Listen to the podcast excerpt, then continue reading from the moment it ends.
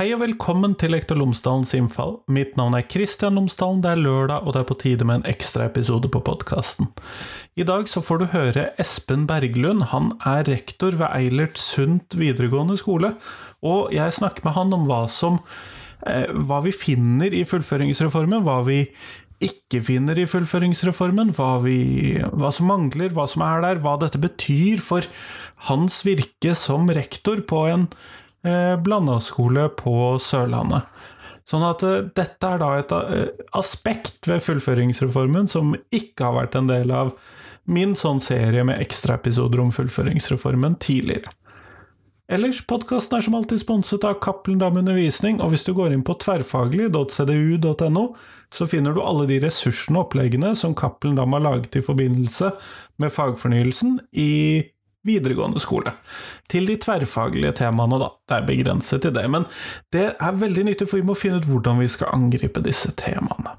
Men i hvert fall, her har du intervju med Espen Berglund. Vær så god.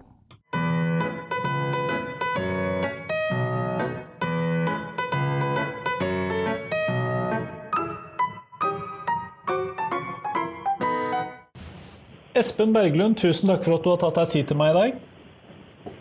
Det er bare hyggelig. Hyggelig å bli spurt. Eh, før vi starter selve intervjuet, kunne du fortalt lytterne mine tre ting om deg selv, sånn at de kan få bli litt bedre kjent med deg? Ja. Eh, sånn jobbmessig så, så, kan jeg jo si at jeg er rektor på Eilert Sundt videregående skole. Jeg har vært det i fem år. Eilertsundt Eilert Sundt videregående skole er en videregående skole med studiesteder i Lyngdal og Farsund, og helt sør i Norge.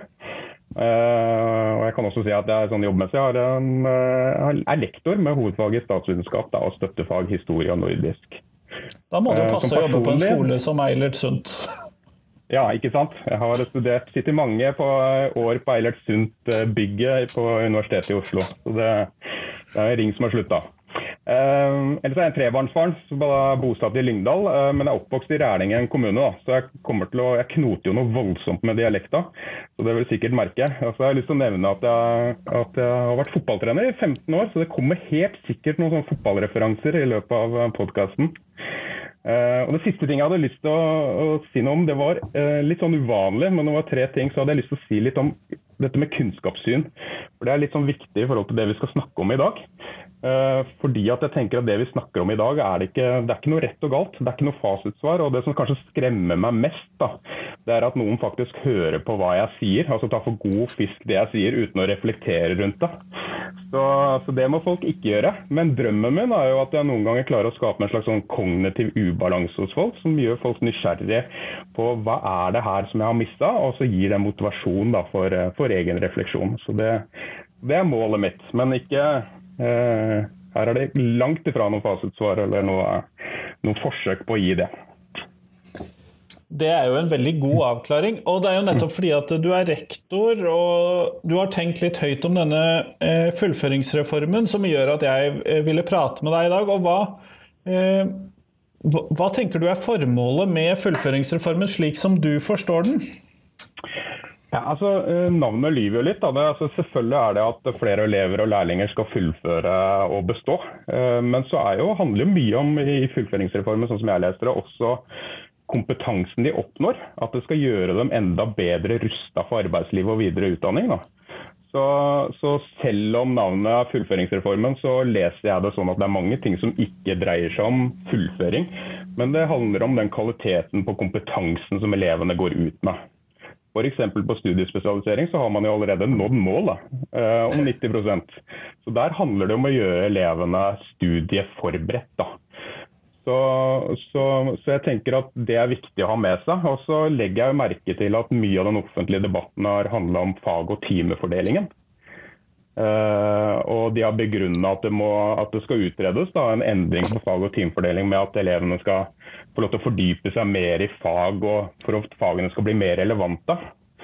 Uh, men, og da tenker jeg litt at uh, da er det lett å gå inn i den diskusjonen om fag- og teamfordeling, men som rektor så tenker jeg at det er jo innholdet i opplæringa som, som, er det som jeg kan påvirke her og nå. Og jeg mener jo at det er mange ting i innholdet i opplæringa som i dag, i hvert fall på Eilesund, ikke har tatt godt nok tak i. Som kan løse noe av de utfordringene som de begrunner en sånn endring i fag- og timefordeling med. da. Så det er, det har på en måte vært litt mitt utgangspunkt når jeg har lest dette. her. Hva er det vi kan gripe fatt i her for å endre innholdet på Elvsundt videregående skole? Nettopp. Mm. Men, og da Tenker du på ting som dere kan ta bedre tak i i læreplanene, eller i de kjerneelementene, eller den typen ting som du tenker på da, eller? Ja, altså jeg tenker på hvis du skal gå sånn, litt sånn skritt tilbake da, og løfte blikket litt. i gang. Jeg vil gjerne snakke mye om innholdet, men hvis vi skal løfte blikket litt, da, så er det jo sånn at innholdet eh, i skolen er bestemt av, eh, av det brede samfunnsmandatet, som består av formålsparagrafen og Eh, hele læreplanverket. Ikke bare kompetansemålene i fag, men hele læreplanverket. Og da har jeg lyst til å si at Vi er jo utrolig heldige i Norge. For det første er det noen fantastisk gode dokumenter, og så er det jo en sånn unison politisk enighet rundt dette brede samfunnsmandatet. Som vi er, eh, som vi er veldig Det snakker vi ikke så mye om, men etter min oppfatning så, så, er vi veldig heldige. For det er fantastisk gode eh, dokumenter. Overordna del. Ja, hver gang jeg leser en, så finner man noen nye ting. Det er veldig, veldig bra. Og så har jeg liksom vært litt opptatt av ja, eh, Jobber vi med hele læreplanverket og formålsparagrafen? Jobber vi med jobber vi, Tar vi virkelig det brede samfunnsmandatet på alvor? Og Der har jeg en sånn der, der er jeg en sånn ubalanse hos meg. da. Fordi at jeg tror at og der, Dette toucher ikke den fullføringsreformen inn, i, men, eh, inn men eh, men det er jo sånn at læreplanverket, hvordan det blir satt i verk på skolene, også, blir også påvirket av forhold rundt skolen. Uh, og med forhold rundt skolen så tenker jeg at vi f.eks. Uh, blir vi påvirka av hvordan skolene blir målt. Altså Hvordan skoleeier og hvordan uh, de nasjonale myndigheter gjør en kvalitetsvurdering av skolene. Og, og, og min oppfatning, og det, det toucher jo ikke fullføringsreformen, men har litt sånn uh, følelse av at den måten skolene blir styrt på i dag, gjør at vi får et for snevert syn på, på vårt mandat. Vi får et snevert syn på vårt samfunnsmandat. Uh, fordi at vi blir målt. Skoleeier må ha et system for å måle skolene. Eh, de måler da skolene eh, i stor grad ved hjelp av kvantitative tall som er lett å hente ut. Og kvantitative tall som gjennomføringstall, som karakterutvikling eh, osv. Og så er det jo sånn at man kan tenke seg at skolene tilpasser seg det det blir målt etter. Um, og Da er jo spørsmålet, hvis man er med på et resonnement hvor man i stor, for stor grad blir målt etter gjennomføringstall og karakterutvikling og kvantitative tall, så, så er spørsmålet om vi da jobber nok med det brede samfunnsmandatet, eller jobber vi bare med det som blir målt. Uh, så Jeg tror at vi i Norge også har en, en, har en um, utfordring med tanke på å måle hele Eh, eh, altså hele vårt samfunnsmandat. Eh, måler vi i dag hvordan vi jobber med verdisett i overordna del? Hvordan vi, eller hvordan vi jobber med profesjonsfellesskapet? Eller hvordan vi jobber med de tverrfaglige temaene? Klarer vi å måle det? Og Hvis vi ikke klarer å måle det, så har vi jo ikke egentlig et system for å vurdere skolene i tilstrekkelig grad. Uh, og jeg har stilt meg, vi, for, et års tid siden så jobba vi veldig mye med formålsparagrafen og det brede overordna del som en del av fagfornyelsen. Så plutselig stilte jeg meg spørsmål om hvorfor har vi ikke drevet med dette før? Ja, for det har vært så mye fokus på gjennomføring, fullføring, lage rutiner, lage årsskjul, tett og elevoppfølging. Alt dette har vært veldig bra. Men så har vi kanskje mista noe av målet på, på veien, da. Er jeg litt redd for. Uh, og det har generert en del sånne ting og spør meg sjøl hva skjer med underveisvurderinga i et sånt system? Hva skjer med forståelsen av kompetansebegrepet osv. osv. Og det er jo ingen tvil om at det er lettere å vurdere kompetansemål heller enn å vurdere kjerneelementer eller uh, tverrfaglige temaer, hvis vi bare går inn på sånne spesifikke fag. Så det tror jeg nok at uh, du har rett i at det er en noe vi kanskje flere av oss bør stille spørsmål om. Men hva er det du savner i fullføringsreformen eh, fra ditt ståsted? Nei, det er jo noen tanker. Altså, hvis du tenker at Kunnskapsløftet var både en innholdsreform og styringsreform, så er fagfornyelsen kun en innholdsreform. Så Jeg kunne tenkt meg at man snakka litt mer om, om, om styring av skolene også. Om vi klarer å styre skolene på en måte som gjør at vi jobber mer med de innholdselementene som er savnet, da, som man skriver noe om i fullføringsreformen. Uh, uh, jeg kunne jo tenkt meg, altså, Hvis vi skal sette det helt på spissen, så er den letteste måten for å øke fullføringstallene på, er jo å senke terskelen for bestått. Det er jo den enkleste måten. Eller mindre synlig at man bruker ekstremt mye tid på eksamenstrening, som jo er en veldig liten del av skolens samfunnsmandat. Uh, og Ludvigsen-utvalget foreslo jo at sosial og emosjonell læring skulle være en del av vurderinga i fag, i kompetansemålene. Dette ble tatt ut igjen av regjeringen. Da er jo spørsmålet kan vi hypotetisk si at en elev som går ut av skolen med bare seksere, kan, kan mangle en god del sosiale og emosjonelle ferdigheter som er viktige i arbeidslivet? Eller kan en skole med utrolig gode gjennomføringstall og karaktersnitt egentlig være elendig med å jobbe med elevenes sosiale og emosjonelle ferdigheter? Men den samme tenkte eleven eller den samme tenkte skolen blir jo vårt vurderingssystem, enten det er karakterskala eller på skolenivå, vurdert som topp elever og topp skoler. Men spørsmålet er jo om de går ut med den kompetansen da, eh, som samfunnet og arbeidslivet eh, trenger. Og hvis vi skal tenke sånn, hva, hva kan en skole gjøre, eller hva, hvilke type styringssystem er det man kunne hatt? Hva slags tall kunne man hatt for å måle om skolene jobber med disse tingene? Så tror jeg det handler om, og da slår man jo litt sammen med sånn tillitsbasert ledelse og sånn, at eh, man må la ansatte sjøl få lov til å vurdere seg på en del parametere som, går på, som går, på, går på dette her. Så Hvis jeg skal sette en sånn liten kontaktannonse her, så er det hvis det er noen forskningsmiljøer innenfor, som f.eks. innenfor dekomp-ordninga ville vært med eller sunt å jobbe fram et en eller annen form for styringssystem hvor de ansatte kunne satt ord på hvilken grad man jobba med overordna del, eller uh, utvikle profesjonelle uh, fellesskap, eller hva det nå enn er, så er det bare å ta kontakt med oss også. det høres ut som en fin eh, kontaktannonse, det. Eh, det burde man jo faktisk eh, Det burde jo være noen som er interessert i det, for å si det sånn. Men hva tenker du om det innholdet som de da har eh, fremmet forslag om, da, som for din skoles del? Eller sånn som du ser det? Ja, Hvis vi ser på hvilke diskusjoner vi har hatt på skolen, da. Um, hva er det på en måte Hva er det vi kan gjøre for å bevege oss i den retninga som meldinga, meldinga peker ut? Dette med å skape mer tid til fordypning, mer relevans for elevene osv. Så, så har vi hatt en god del diskusjoner rundt det. og Det første er jo rett og slett hvordan tolker vi kompetansebegrepet? Har vi anerkjent, har vi virkelig anerkjent at vi har kompetansemål i læreplanen? Altså Vi har ikke innholdsmål, vi har ikke kunnskapsmål.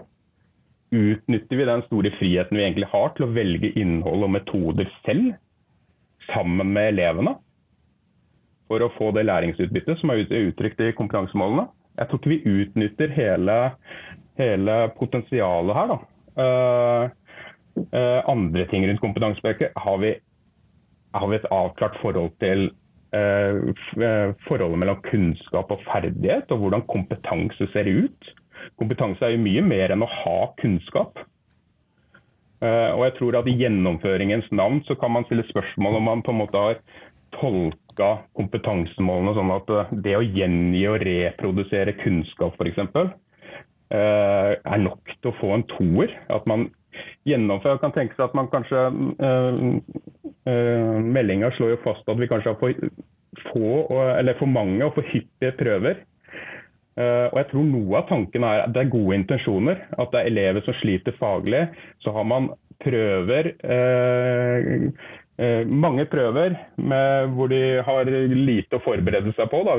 I verste fall så har man sånn for sidesal 10-25, og, og, så gjengir man og reproduserer kunnskap. og så får man en bestått karakter. Men det å gjengi og reprodusere kunnskap, er det kompetanse på lavt nivå? Det har vi stilt oss litt eh, spørsmål ved. Da. Da, I det ene uh, stykket jeg skrev på Eilert Sundt 'Tenker høyt' der, så, så, kunne jeg ikke stoppe, stoppe meg for å bruke fotballeksempel. Men hvis du tenker at fotballkompetanse eh, kommer til synlig Hvis jeg skulle satt en karakter på mine spillere i fotball, så kommer det til syne når vi spiller elver fotball. Eh, og det er klart at En spiller som står og gjengir, og gjengir dommerreglene, og står på sidelinja og gjengir dommerreglene uten å gjøre noe annet, viser jo ikke en kompetanse. Eller, eh, eller, en elev som bare kan spytte ut gloser på et eller annet språk, men kan ikke på en måte sette det til sammen til en kommunikativ kompetanse i det hele tatt.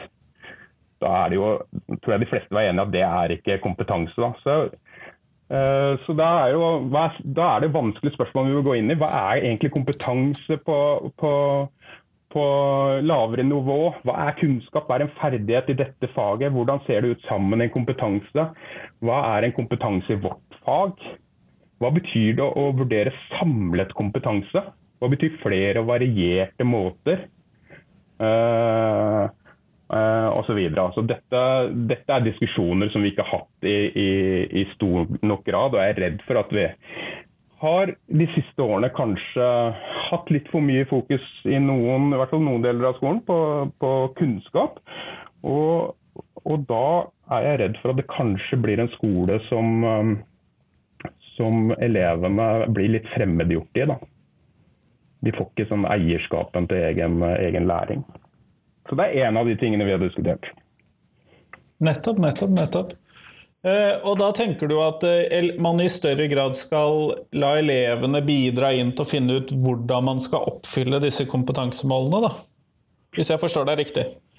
Ja, altså de må jo eh, helt åpenbart mye mer, være mye mer med på, på, på laget.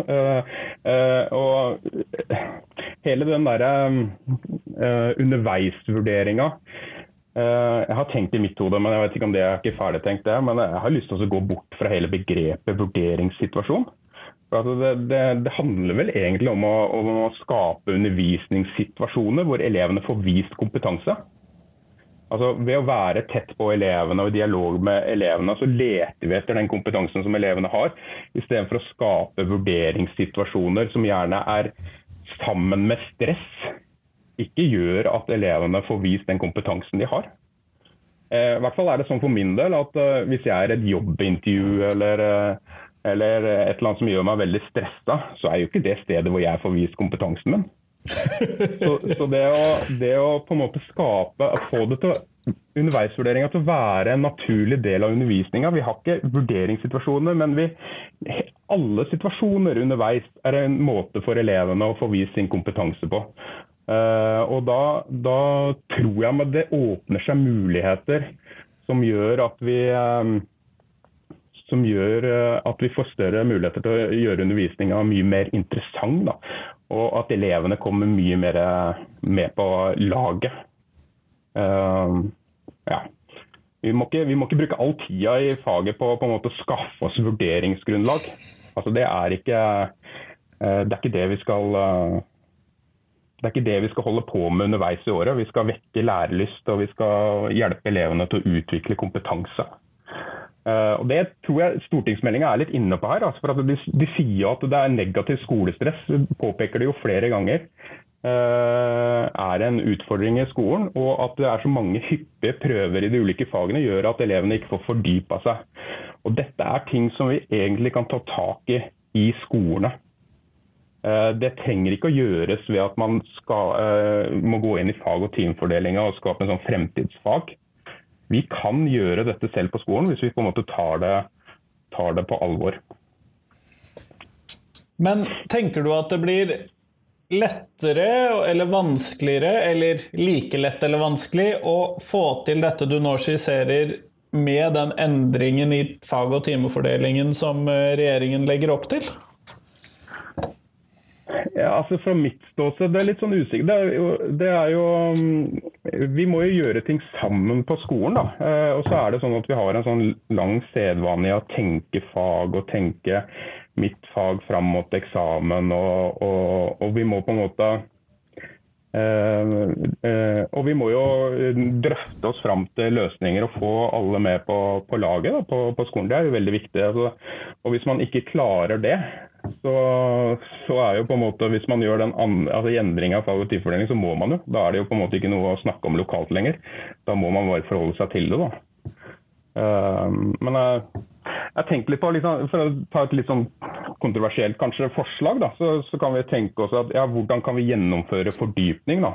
For det, det peker jo meldinga på at elevene får ikke fordypa seg nok i fag på studiespes. De blir ikke studieforberedt. De er ikke trent i å skrive akademiske tekster. De er ikke vant til å jobbe med store tekstmengder, og de er ikke selvstendige.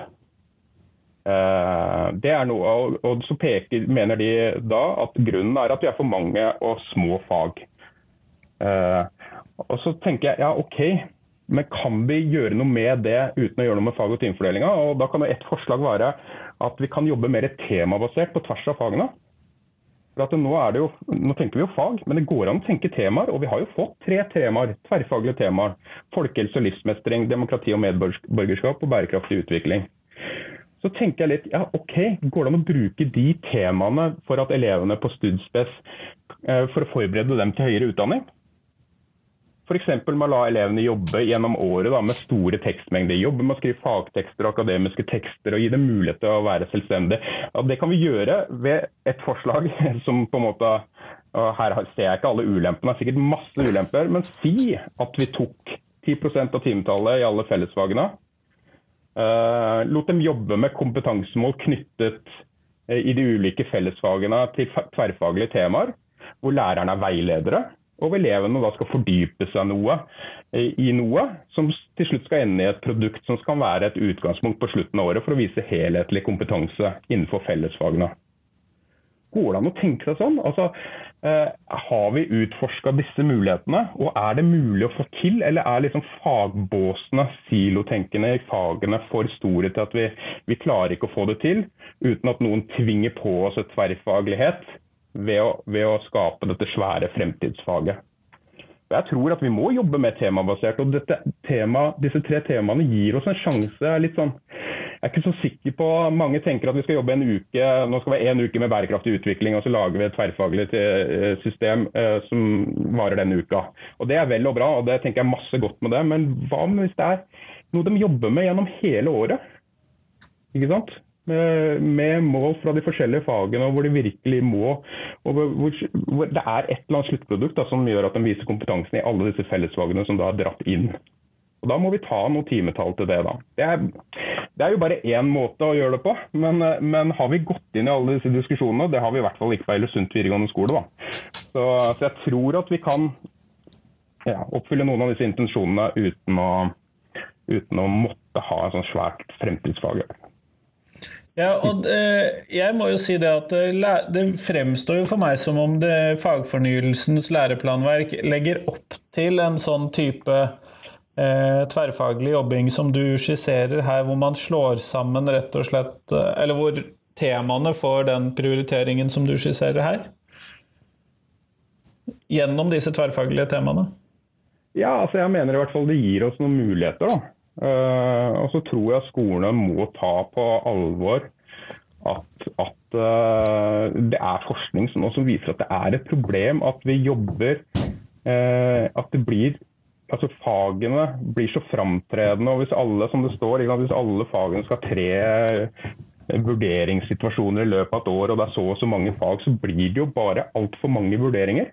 Og elevene får ikke Eh, får ikke fordypa seg, og de blir ikke studieforberedt. Det er, jeg tenker det er muligheter til å gjøre noe med det, men spørsmålet er om vi utnytter det. da. Utnytter de mulighetene som er der.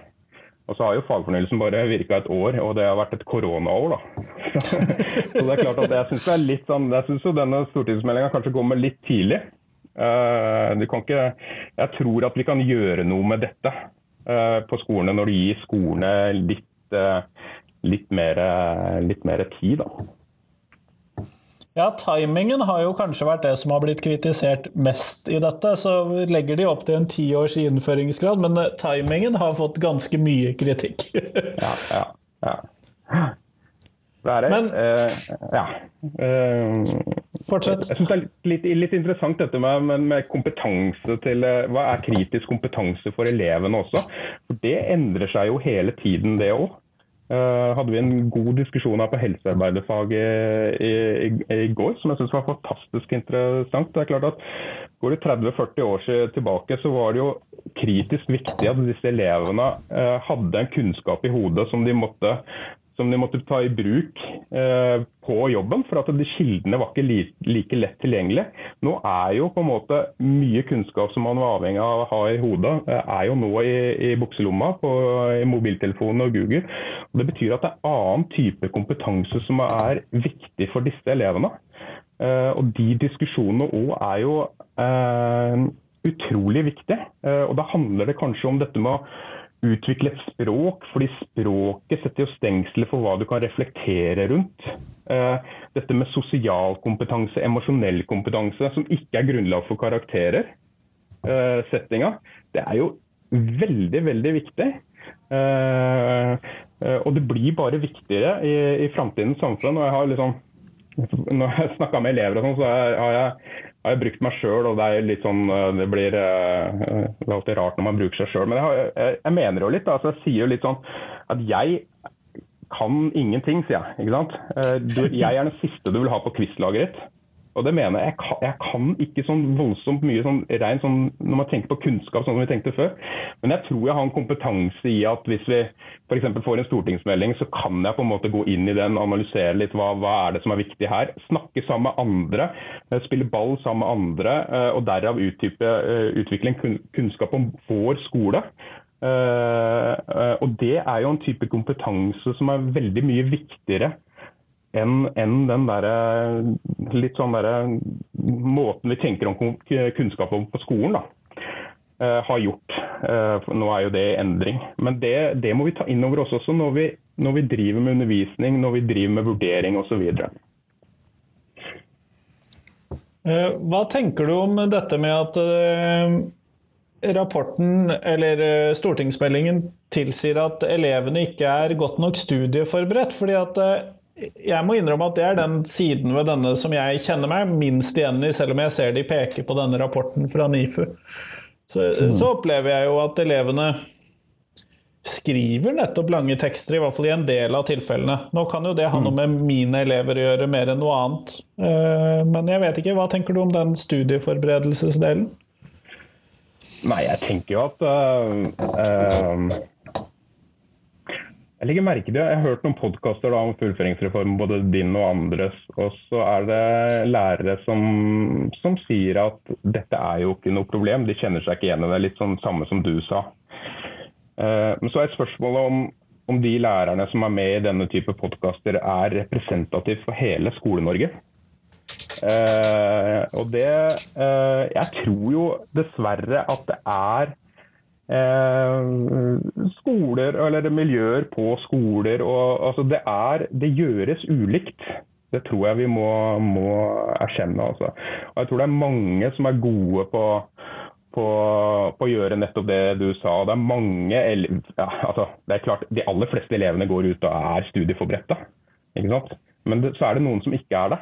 Uh, og det er det vi på en måte det er jo det vi må, må ta litt på alvor. Og, det, øh, og, så må vi ta tak i alle disse gode eksemplene og så løfte de fram. Uh, fordi at det gjøres jo utrolig, utrolig mye, mye godt. Uh, jeg var inne på det med helsefagarbeidere i stad. Kan nevne et eksempel derfra. Altså, Gunn Haaland og Siri Ekeland hos oss som, som jobber med, uh, med, å utvikle nærmest et system. altså Jobber med problembasert læring.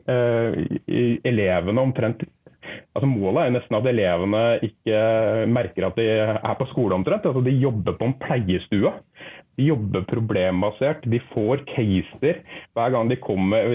Du kan tenke seg altså De kommer på skolen, og så har det og det skjedd med den pasienten. Og så må de på en måte bruke sin kompetanse for å løse det og innhente de kildene de vil, og jobbe med, med, med, med, med reelle problemstillinger. da. Uh, og da får de uh, Jeg tenker at ja, Hvorfor ikke få inn alle fellesfagene òg? På VG2 er det jo igjen bare kroppsøving og samfunnskunnskap og norsk. Kan du få inn det òg, så, så, så, leier du ikke elevene fra klasserom til klasserom, men elevene på helsearbeiderfag kommer på pleiestua. Uh, og de får noen caser, og så jobber de også med fagene, fellesfagene. i den pleiestua ved hjelp av problembasert læring og caser. Dette er, jo, dette, er jo, dette er jo bare ett eksempel på noe, men det er jo disse historiene som vi må, må, få fram og dele på, på skolen. Og så må vi jo også tåle å feile da, på, den, på, den, veien. men åpenbart, til spørsmålet ditt, så er det jo, gjøres det jo utrolig mye godt. Men uh, gjøres det på hele Overalt i videregående skole i, i, Norge? Er alle elevene studieforberedt? Nei, det er de jo ikke. da. Jeg tror flere kan bli det hvis vi blir enda mer bevisste rundt noen av disse tingene. Nettopp, nettopp. Eh, vi går mot slutten, eh, Espen, og da skal jeg stille deg det spørsmålet som jeg stiller alle de jeg intervjuer. Og det er hva er de tre viktigste tingene skolen lærer elevene? Ja, jeg tenker jo at uh, uh, Nå heter det jo fullføringsreformen. Da. Det gikk en stund før jeg så undertittelen. Og det er 'Vi skal åpne dører, dører mot verden og fremtiden'. Altså det, er, det er jo første setninga i formålsparagrafen det er jo uh, det viktigste, tenker jeg. Altså. Noen ganger så har jeg spurt meg når elevene går ut av videregående skole, har vi åpna dører mot fremtiden og, og, verden, eller går de ut av døra med bøyd hode uh, etter mye karakterpress og hyppige prøver og mye negativt skolestress? Ikke, det, vi, det, er kanskje det aller viktigste. Så tenker jeg vi må lære dem å lære hele livet. Det sier jo, sier jo meldinga også. Vi må lære dem å lære.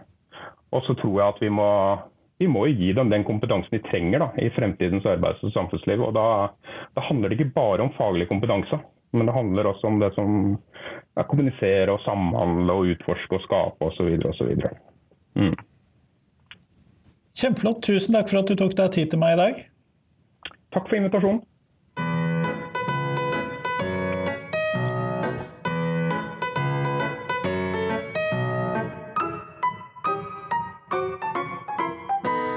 Tusen takk til Espen, og tusen takk til deg som hørte på. Hvis du nå skulle bli lei av at jeg eh, lager så mange ekstraepisoder i forbindelse med fullføringsreformen, så tenker jeg at det er viktig at du som lytter eh, gjør bevisste valg på hvilke temaer du syns er interessant. Fordi at det, det er altfor mye spennende ting i Skole-Norge, og vi jobber med Hver og en av oss jobber med altfor få ting. Ikke egentlig altfor få ting, men vi jobber med de tingene som vel vi jobber med, eller som vi har interesse for, osv. Så, videre. så jeg satser på at du skipper de episodene som ikke er så interessante for deg. Samtidig, eh, denne perioden med ekstraepisoder i forbindelse med fullføringsreformen, den fortsetter noen uker til. Ikke så mange uker til, men jeg har planlagt skal vi se, én, to, tre, fire, fem episoder til som kommer ut som sånne ekstraepisoder, så to og en halv uke. Men jeg satser på at det går greit.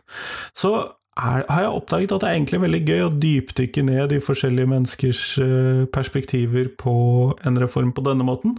Sånn at det senere skolereformer, la oss håpe det er en stund til det, kanskje, eh, kanskje vi skal dypdykke ned i de også. Men i hvert fall, hvis du, har, hvis du tror at podkasten er noe som noen vil sette pris på, del den gjerne med dem, for det setter jeg utrolig pris på. Enten du deler hele podkasten eller spesielle episoder. Men eh, fram til tirsdag, da kommer det en ordinær episode. Ha en fin helg. Hei, hei.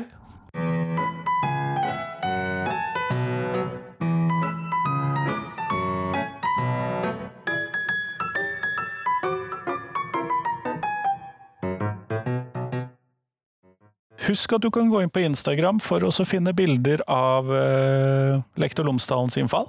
Så kan du se litt hva jeg driver med der.